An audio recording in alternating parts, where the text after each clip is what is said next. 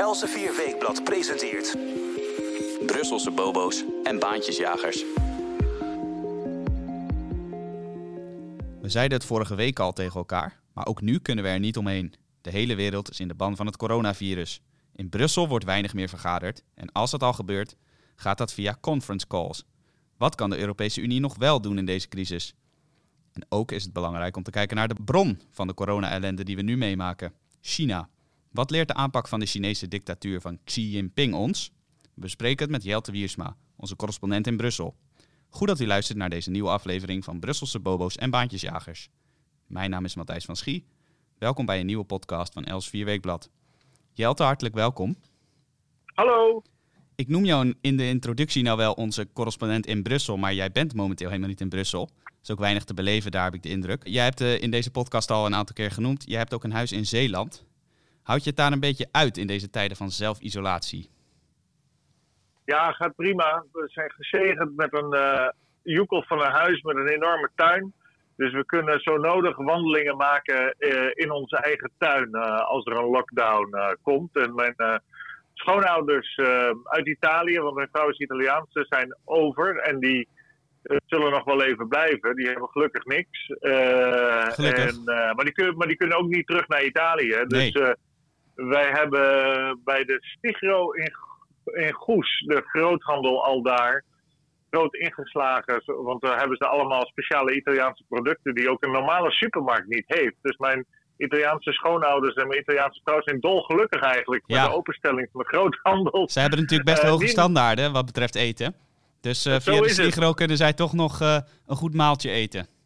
Zo komen ze nog aan hun trekken. Want een paar maanden in Nederland is voor hen natuurlijk een angstaanjagend beeld. Eh dan moeten ze alleen nog maar erwtensoep en Ja. friet eh, en- dat soort dingen eten. Ehm, dus, Zijn zij ehm, bezorgd eh, over de, de situatie in hun thuisland? Jazeker, want de zussen van mijn schoonmoeder die wonen in dezelfde plaats waar zij vandaan komen. En die zijn, zijn beide lerares en de scholen zijn gesloten. En die zitten thuis de hele dag. En eh, dat is toch angstvallig als Ja. je opgesloten bent. Die situatie is bij ons nog niet. Maar eh, mensen eh, krijgen daar echt een vreemde relatie met elkaar. Ook eh, als ze wel de deur uitgaan. Want je mag eh, wel eh, in tijdslots naar de supermarkt bijvoorbeeld. Maar Ja. op grote afstand van elkaar. En dat wordt allemaal georganiseerd en afgesproken. Dus dat is een heel eh naargeestige, spooky atmosfeer. Ja, nee, geheel begrijpelijk natuurlijk. En dan eh, hebben we het nog niet eens gehad over de, de steeds hogere dodentallen in Italië.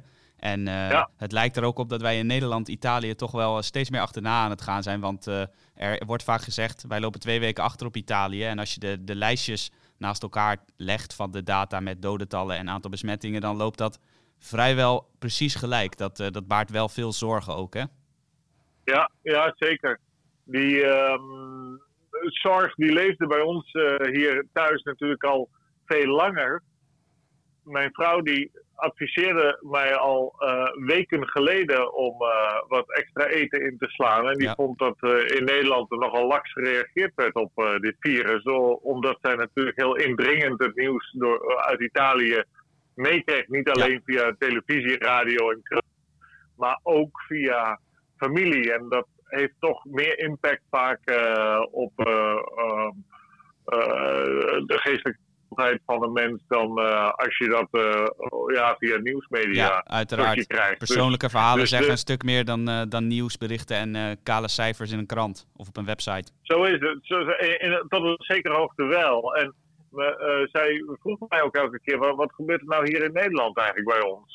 Want ja, ik, ik zei nou niet zoveel en het zal allemaal goed komen. Ik was er ook vrij laks, uh, laconiek over. Maar eh, Herkenbaar eh, voor velen, denk ik. eh, ja, precies. Ik denk dat dat, dat dat ging van premier Mark Rutte tot de rest van het land volgens mij. Dat dat, eh, eh, dat er, afgezien van een aantal natuurlijk, dat daar eh, eerst wat laconiek en eh, op werd gereageerd. En later is het gedraaid natuurlijk door velen. En is het evident dat je goed op moet letten. En eh, mijn schoonouders komen weinig het huis uit. eh, eh, Ja. Dus mijn vrouw en ik doen de boodschappen als Ja, jonge en vitale mensen. En zij zijn rond de 70. Dus dat is ehm, maar beter dat ze niet te veel contact hebben met anderen. Inderdaad, om in de woorden van Mark Rutte te spreken, let een beetje op elkaar. Nou, jullie doen dat zo te horen goed.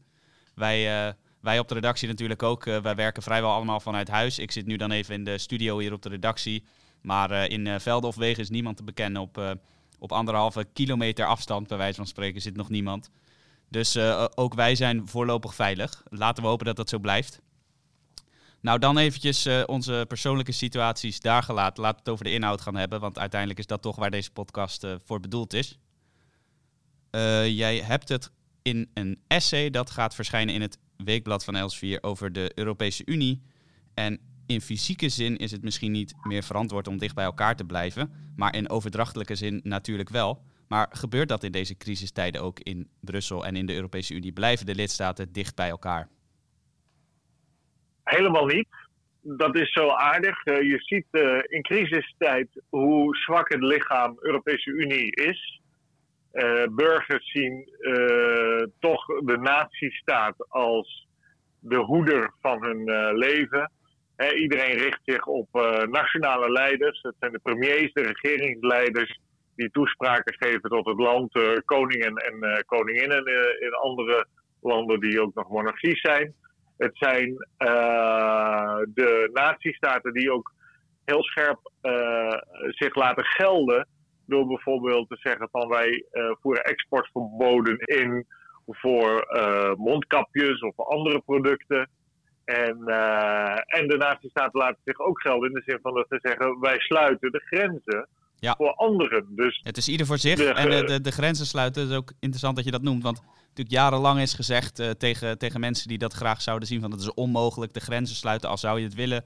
Het zou niet kunnen. Nou, we hebben nu in de afgelopen week eigenlijk gezien hoe snel dat wel degelijk kan. Ja, natuurlijk. De helft van de Schengenlanden, dus 13 uh, eh, van de landen, hebben de grenzen dichtgegooid. Dat is prima mogelijk. Het heeft wel consequenties, dat is evident. Hè? Uh, maar ehm, het, het, verhaal is altijd inderdaad geweest van nou, dat kan niet. Nou, alles kan in crisistijd. Uh, maar dat betekent dat in normale tijd dat ook zou kunnen. Uh, mocht je dat willen. Dat moet iedereen zelf maar beslissen natuurlijk. maar wat we daarnaast ook zien is dat de Europese Unie en dan heb ik het vooral over de EU-instituties, Europese Commissie, Europees Parlement. Die proberen wel van alles, maar die kunnen eigenlijk helemaal niks. Uh, daar hebben ze allereerst uh, het gezag niet voor, niet bij de burgers. Er is geen burger die naar de Europese Unie kijkt voor hulp. Twee, ze hebben de middelen niet, ze kunnen het niet, want ze hebben geen politie, geen defensie, ze kunnen ook geen belasting heffen of anderszins. Uh, dus wat je ziet, uh, ik kreeg hier een reeks persberichten binnen de afgelopen week, uh, die uh, wat mij betreft nog wel hilarisch waren. Waarbij de Europese Commissie elke keer zei: wij staan Denemarken toe de grens dicht te sluiten. Wij staan Zweden toe de grens te sluiten. Wij staan Duitsland toe de grens te sluiten. Al zouden ze het niet toestaan. Zweden, Denemarken, ja, als dat dus niet toestelt. Nobody cares. En die landen hadden, die, die, die melden gewoon in Brussel, ja, wij gaan sluiten de grens. Officieel moeten ze toestemming hebben van de Europese Commissie. Nou, dat vragen ze helemaal niet. Ze melden het hoogstens. En misschien doen ze het de helft van de tijd ook nog wel via de krant. Uh. Precies. Nou, nou is een uh, nieuwsbericht dat ik geloof ik uh, maandag las wel, wel illustratief misschien hiervoor. Angela Merkel had besloten, de Duitse bondskanselier, om de, de Duitse grenzen met diverse landen te sluiten. En uh, de Franse president Macron was daar boos over. Die zei dat het is niet goed om dat eenzijdig te doen. Nou, pakweg uh, drie uur later sloot hij alsnog zijn eigen grens. Ja, maar zo gaat het. Zo, uh, het is ieder voor zich. Je staat volledig alleen als klein land of als groter land. dat is een volstrekt natuurlijke reflex. Je moet je voorstellen, hele primitieve reflexen komen in ons boven. Hè? En dat, het begint met het beschermen van, je, van jezelf en je naasten. Uh, en dan de naasten vooral in bloedband uh, gekeken, of ja. volgens bloedband gekeken. Dan is het misschien je dorp of je buurt. En maar in grote verband is het de clan waartoe je behoort, de stam waartoe je behoort, zou ik zeggen. En dat is Nederland voor de meeste Nederlanders. Die voelen zich behorende tot de stam der Nederlanders. Dat is natuurlijk geen bloedband verwant, ehm, maar dat is wel uh, het clubje waar je uh, op vertrouwt. Uh, als je in een vreemde bent, merk je dat ook meteen. eh, als er ergens een probleem is en je treft Nederlanders, dan is er toch een gevoel van opluchting meteen. Van, oh ja, dat zijn onze mensen. Hè? Die, eh, die zullen elkaar helpen in geval van nood. En dat zie je hier gebeuren. Die primitieve reflexen zie je boven komen. En de EU ziet dat niet. Ja, dat is aardig wat je zegt. Eh, de primitieve kanten van de mens die, die komen naar boven. Dat zie je natuurlijk aan het hamsteren. Dat is dan, wordt door velen misschien niet zo gewaardeerd. Maar er zijn ook uh, ontegenzeggelijk solidariteitsacties inderdaad binnen Nederland op gang mensen die elkaar steunen, mensen die aanbieden om uh, oudere kwetsbaren te helpen. Dus dat moeten we ook zeker even zeggen. En dat gebeurt inderdaad vooral binnen Nederland. Dus dat is een, eh, een mooi voorbeeld van hoe, menselijke krachten die bovenkomen inderdaad in eerste instantie solidair zijn met, met de eigen groep en de eigen bevolking. Ja, nee, zo gaat het. Je valt meteen terug op, op natuurlijke reflexen. Wat zo aardig is ook, um, is dat je ziet dat een land als Nederland, een, uh, gezien de schaal, hier wel een bijzondere positie inneemt. Je moet je zo voorstellen, en dan ga ik even eh, heel snel door de historie.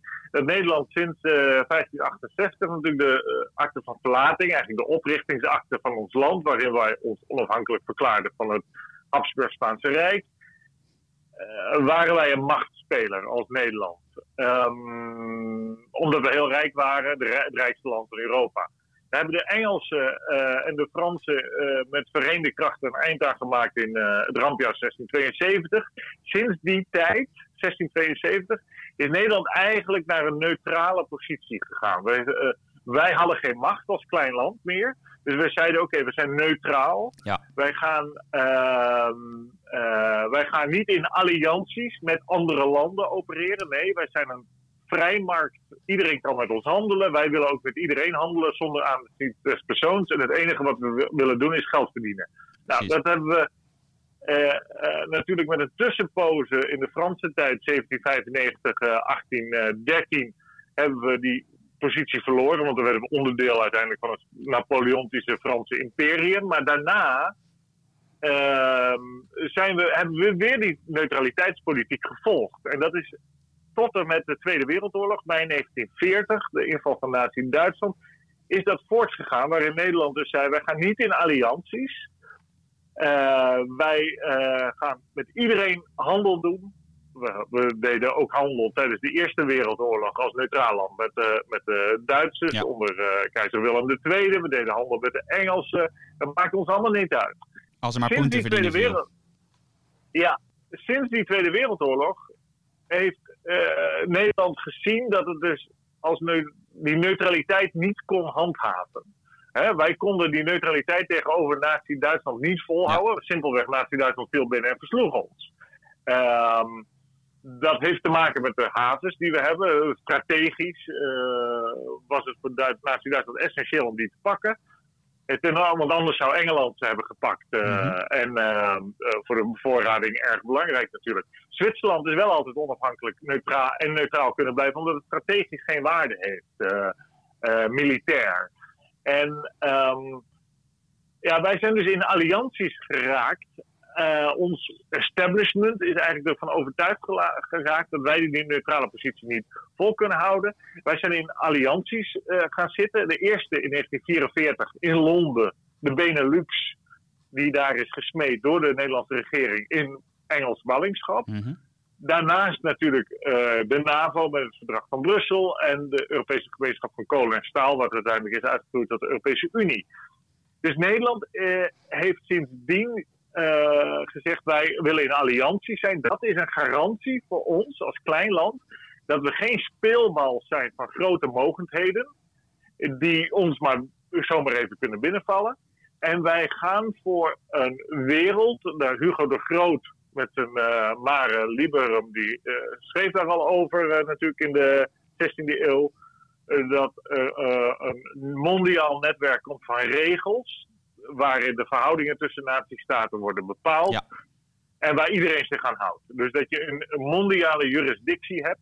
En dat is voor kleine landen natuurlijk heel aantrekkelijk. Want als je dat niet hebt, ja, dan ben je een speelbal van grote landen. Dan moet je of als junior partner in een alliantie met een groter land gaan zitten. Waarbij je eigenlijk jezelf koloniseert. Hè? Dan word je een kolonie ja. van het grotere land. Uh, of ja, je wordt uitgewisseld, je wordt uitgeruild door de grote mogendheden die in hun machtsspel af en toe ehm, eh, lucht moeten uitblazen. En uh, in de nieuwe verhoudingen die telkens er zijn tussen landen, uh, bijvoorbeeld stukken grond, landen, effectief met elkaar gaan ruilen of over de landkaart gaan verschuiven. Nou, dat is met zo'n coronavirus wel weer even een wake-up call, wat mij betreft, voor ons als klein land. dat het maar zeer twijfelachtig is of die allianties waarin wij ons hebben uh, gezet. En of die regelgebaseerde mondiale wereld zoals wij die zouden willen zien, of die wel vol te houden is. En Donald Trump heeft natuurlijk al een grote steen in de vijver gegooid vanaf 2016 met zijn uitverkiezing door te zeggen America first. Exact, en, dat geldt nu in eh, feite in, in alle landen lijkt het in deze crisis. Exact, exact. Dus Trump zei America first, toen zei onder meer nee, Mark Rutte, nou dat is allemaal niet zo leuk en netjes en zo. En wij vertrouwen op de Amerikanen als ons veiligheidsparaplu binnen NAVO-verband. Maar Amerika zegt, of Trump zegt, maar ja, en dat zei de voorgaande president ook al, jullie houden je niet aan de afspraken binnen NAVO-verband. 2% van het nationaal inkomen uitgeven aan defensie. Dus waarom, waarom uh, als jullie je niet aan de afspraken houden, waarom zouden wij dat dan wel? Nou, dat is een logica waar je niet tegen in kunt, uh, wat mij betreft. Uh, dus die America First agenda is eigenlijk voorzienend geweest, zou je kunnen zeggen, vooruitziend hè? Ja. naar wat er later is gebeurd. Want je ziet op een aantal vlakken uh, dat die allianties sowieso al onduidelijk waren. Je voorstellen, eigenlijk geldt voor de NAVO en de Europese Unie dat die sinds de val van de Sovjet-Unie in de jaren 89, 91 op zoek is naar een doel. Die clubs, moet je voorstellen, NAVO en EU zijn beide uh, geworteld in het collectieve vijandschap van een aantal westerse landen tegenover die Sovjet-Unie. En als het vijand eh, met de, wegvallen van die Sovjet-Unie was niet meer duidelijk waartoe NAVO en EU op aarde waren. Nou, de, ze hebben beide op een bepaalde manier de vlucht naar voren gekozen. Uh, NAVO natuurlijk na 11 september de aanslagen op de Verenigde Staten, waarbij de andere NAVO-landen achter Amerika gingen staan. En ook onder NAVO-vlag geopereerd is in uh, Afghanistan en Irak. Met de invallen al daar, begin deze eeuw. Um, en dan uh, heb je natuurlijk de EU gehad. Die heeft de vlucht naar voren gekozen met snelle uitbreiding naar het oosten. Enerzijds een diepere integratie door de euro uh, te omhelzen, anderzijds. Maar dat, dat brokkelde al een beetje af natuurlijk. Het Verenigd Koninkrijk gaat uit, of is uit de Europese Unie. Uh, je ziet, uh, nou, eh, Trump, uh, zoals gezegd, zet dus vraagtekens bij het voortzetten van de NAVO. En je ziet dat die EU-integratie ook stilstaat en wringt. Er gebeurt eigenlijk meer, er beweegt niks meer. Dus is dit een opmaat op langere termijn? En, en legt corona dat bloot? Hoe, hoe weinig eigenlijk die landen elkaar vertrouwen, uh, aan regels houden die afgesproken zijn. En wat betekent dat dus voor Nederland? Hè? Uh, als die regelgebaseerde wereld niet meer bestaat, wat betekent dat, dat voor ons als klein land? Want dan zijn kleine landen kwetsbaar ten opzichte van grote landen. Ja, dat is een heel boeiende vraag inderdaad. Uh, kijken of deze coronacrisis nou inderdaad de, de nekslag of de bijl aan de wortel is aan de Europese Unie en wellicht andere samenwerkingsverbanden. Nou, is het heel, eh, heel interessant. We hebben vanaf eh, de 80-jarige oorlog via de Franse tijd, twee wereldoorlogen, 9-11, zijn we zo terug bij het coronavirus. Uh, fantastische uiteenzetting. Ja, de, diep respect daarvoor. Ik denk dat er weinigen dat op die manier aan elkaar kunnen verbinden, maar zeer boeiende materie. Over het coronavirus gesproken, jij schrijft een essay voor de website van Elsevier Weekblad. Dat, dat gaat verschijnen komend weekend. En dan komend weekend bedoel ik 21 en 22 maart. Uh, en dat gaat over de bron van het coronavirus. De bron eigenlijk van alle ellende die wij nu meemaken met elkaar. Uh, jij schrijft uh, over China. Elke coronadode draagt de handtekening van de Chinese president Xi Jinping. Nogal stevige woorden. Hoe bedoel je dat precies? Nou, je moet je zo voorstellen ehm, dat uh, Xi Jinping is een dictator. Dat is heel belangrijk om te begrijpen. Ja. Dat begrijpen sommige mensen nog niet. Die omschrijven hem als president of als secretaris-generaal van eh, de communistische partij. Dat is hij ook beide wel. Maar hij is een dictator. Eh, zoals we Gaddafi in Ja. Libië een dictator noemden. En Saddam Hussein een dictator. De Dat ene president is de ook. andere niet. Nee, natuurlijk niet. Er is iets heel essentieels in een dictatuur. En China was tot voor heel kort geleden een partijdictatuur, maar geen persoonsdictatuur. Dat is een heel belangrijk onderscheid. Je moet je voorstellen, de, na Mao Zedong, die in eh, wat is het, 65 overleden is, eh, hij heeft de communistische partij afgesproken. Wij eh, gaan mensen nog maar maximaal tien jaar leider laten zijn van de communistische partij, secretaris-generaal en president. En eh, dat had tot effect dat je dus geen volwaardige persoonsdictatuur hebt. En eh, binnen die communistische partij had je verschillende kampen, Ja. vaak regionaal gebaseerd, eh, geworteld. En die wisten, we krijgen altijd maximaal na tien jaar de kans om zeg maar, onze zienswijze, meer liberale of meer conservatieve, naar voren te brengen. Door proberen onze man naar voren te brengen. Nou. Xi, heeft een, Xi Jinping heeft een einde gemaakt aan dit. En die heeft de, eh, het Volkscongres in eh, 2013, dacht ik, eh, de regels laten veranderen. 2018, sorry Eh, toch? Het was, eh, Oh, sorry, excuus, ja. excuus. Eh, excuus, 2018, ja. En ehm, hij is 2013 aangetreden Exact. als eh, president, sorry. En 2012 is hij secretaris-generaal geworden. Eh, maar hij heeft de regels laten veranderen.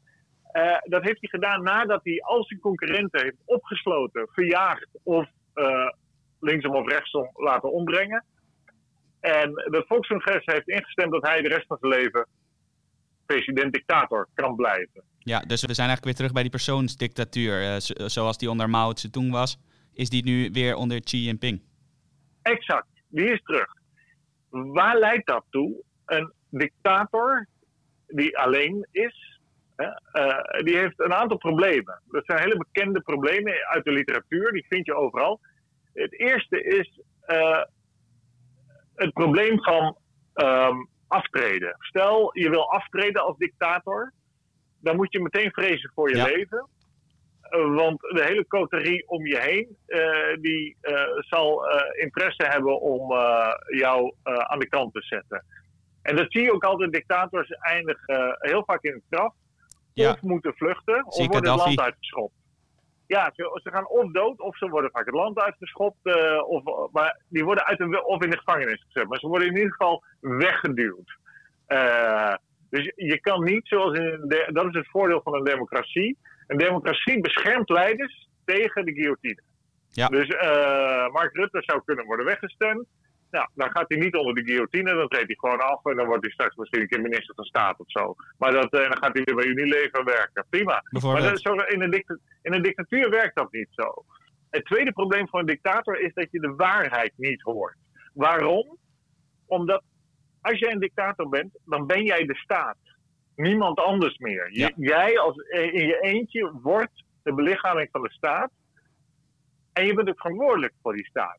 En als jij als dictator slecht nieuws wordt gebracht, dan betekent dat dus meteen kritiek op die persoon van de dictator. Ja. Die zegt, ja, jij, doet, jij doet dit niet goed.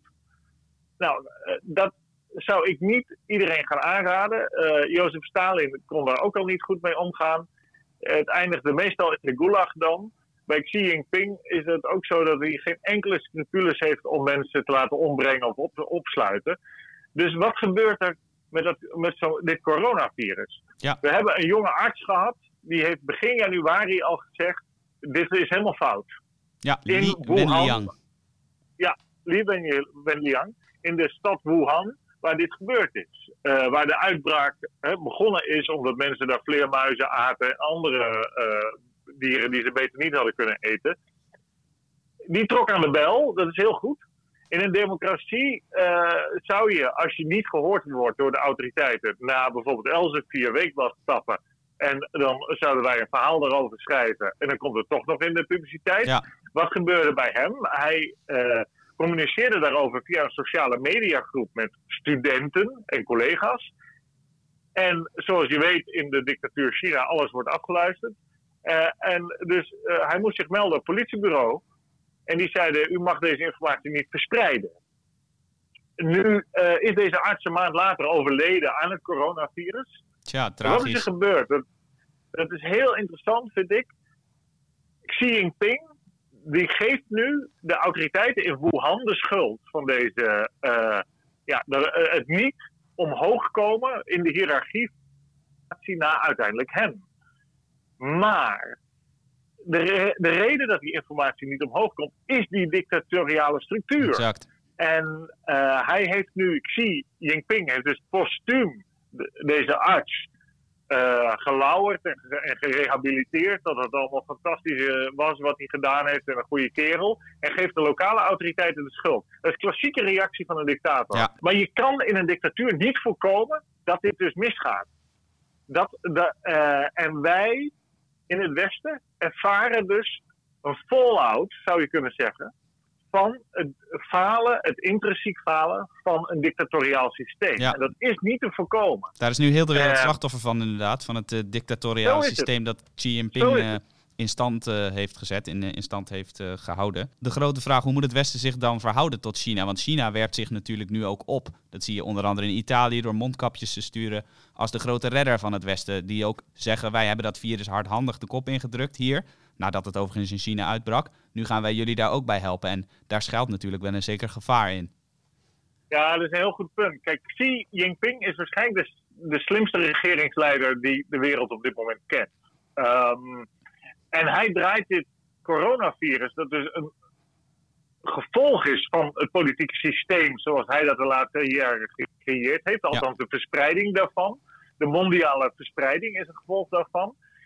Uh, dat probeert hij te draaien ten goede. En hij probeert nu China als toonbeeld naar de wereld uh, naar voren te brengen. En zeggen, kijk, wij hebben maatregelen genomen die effectief zijn. En wij gaan nu jullie helpen in landen waar die uitbraak is, met uh, ook artsen. Hè? Er zijn 30 artsen naar Italië gestuurd.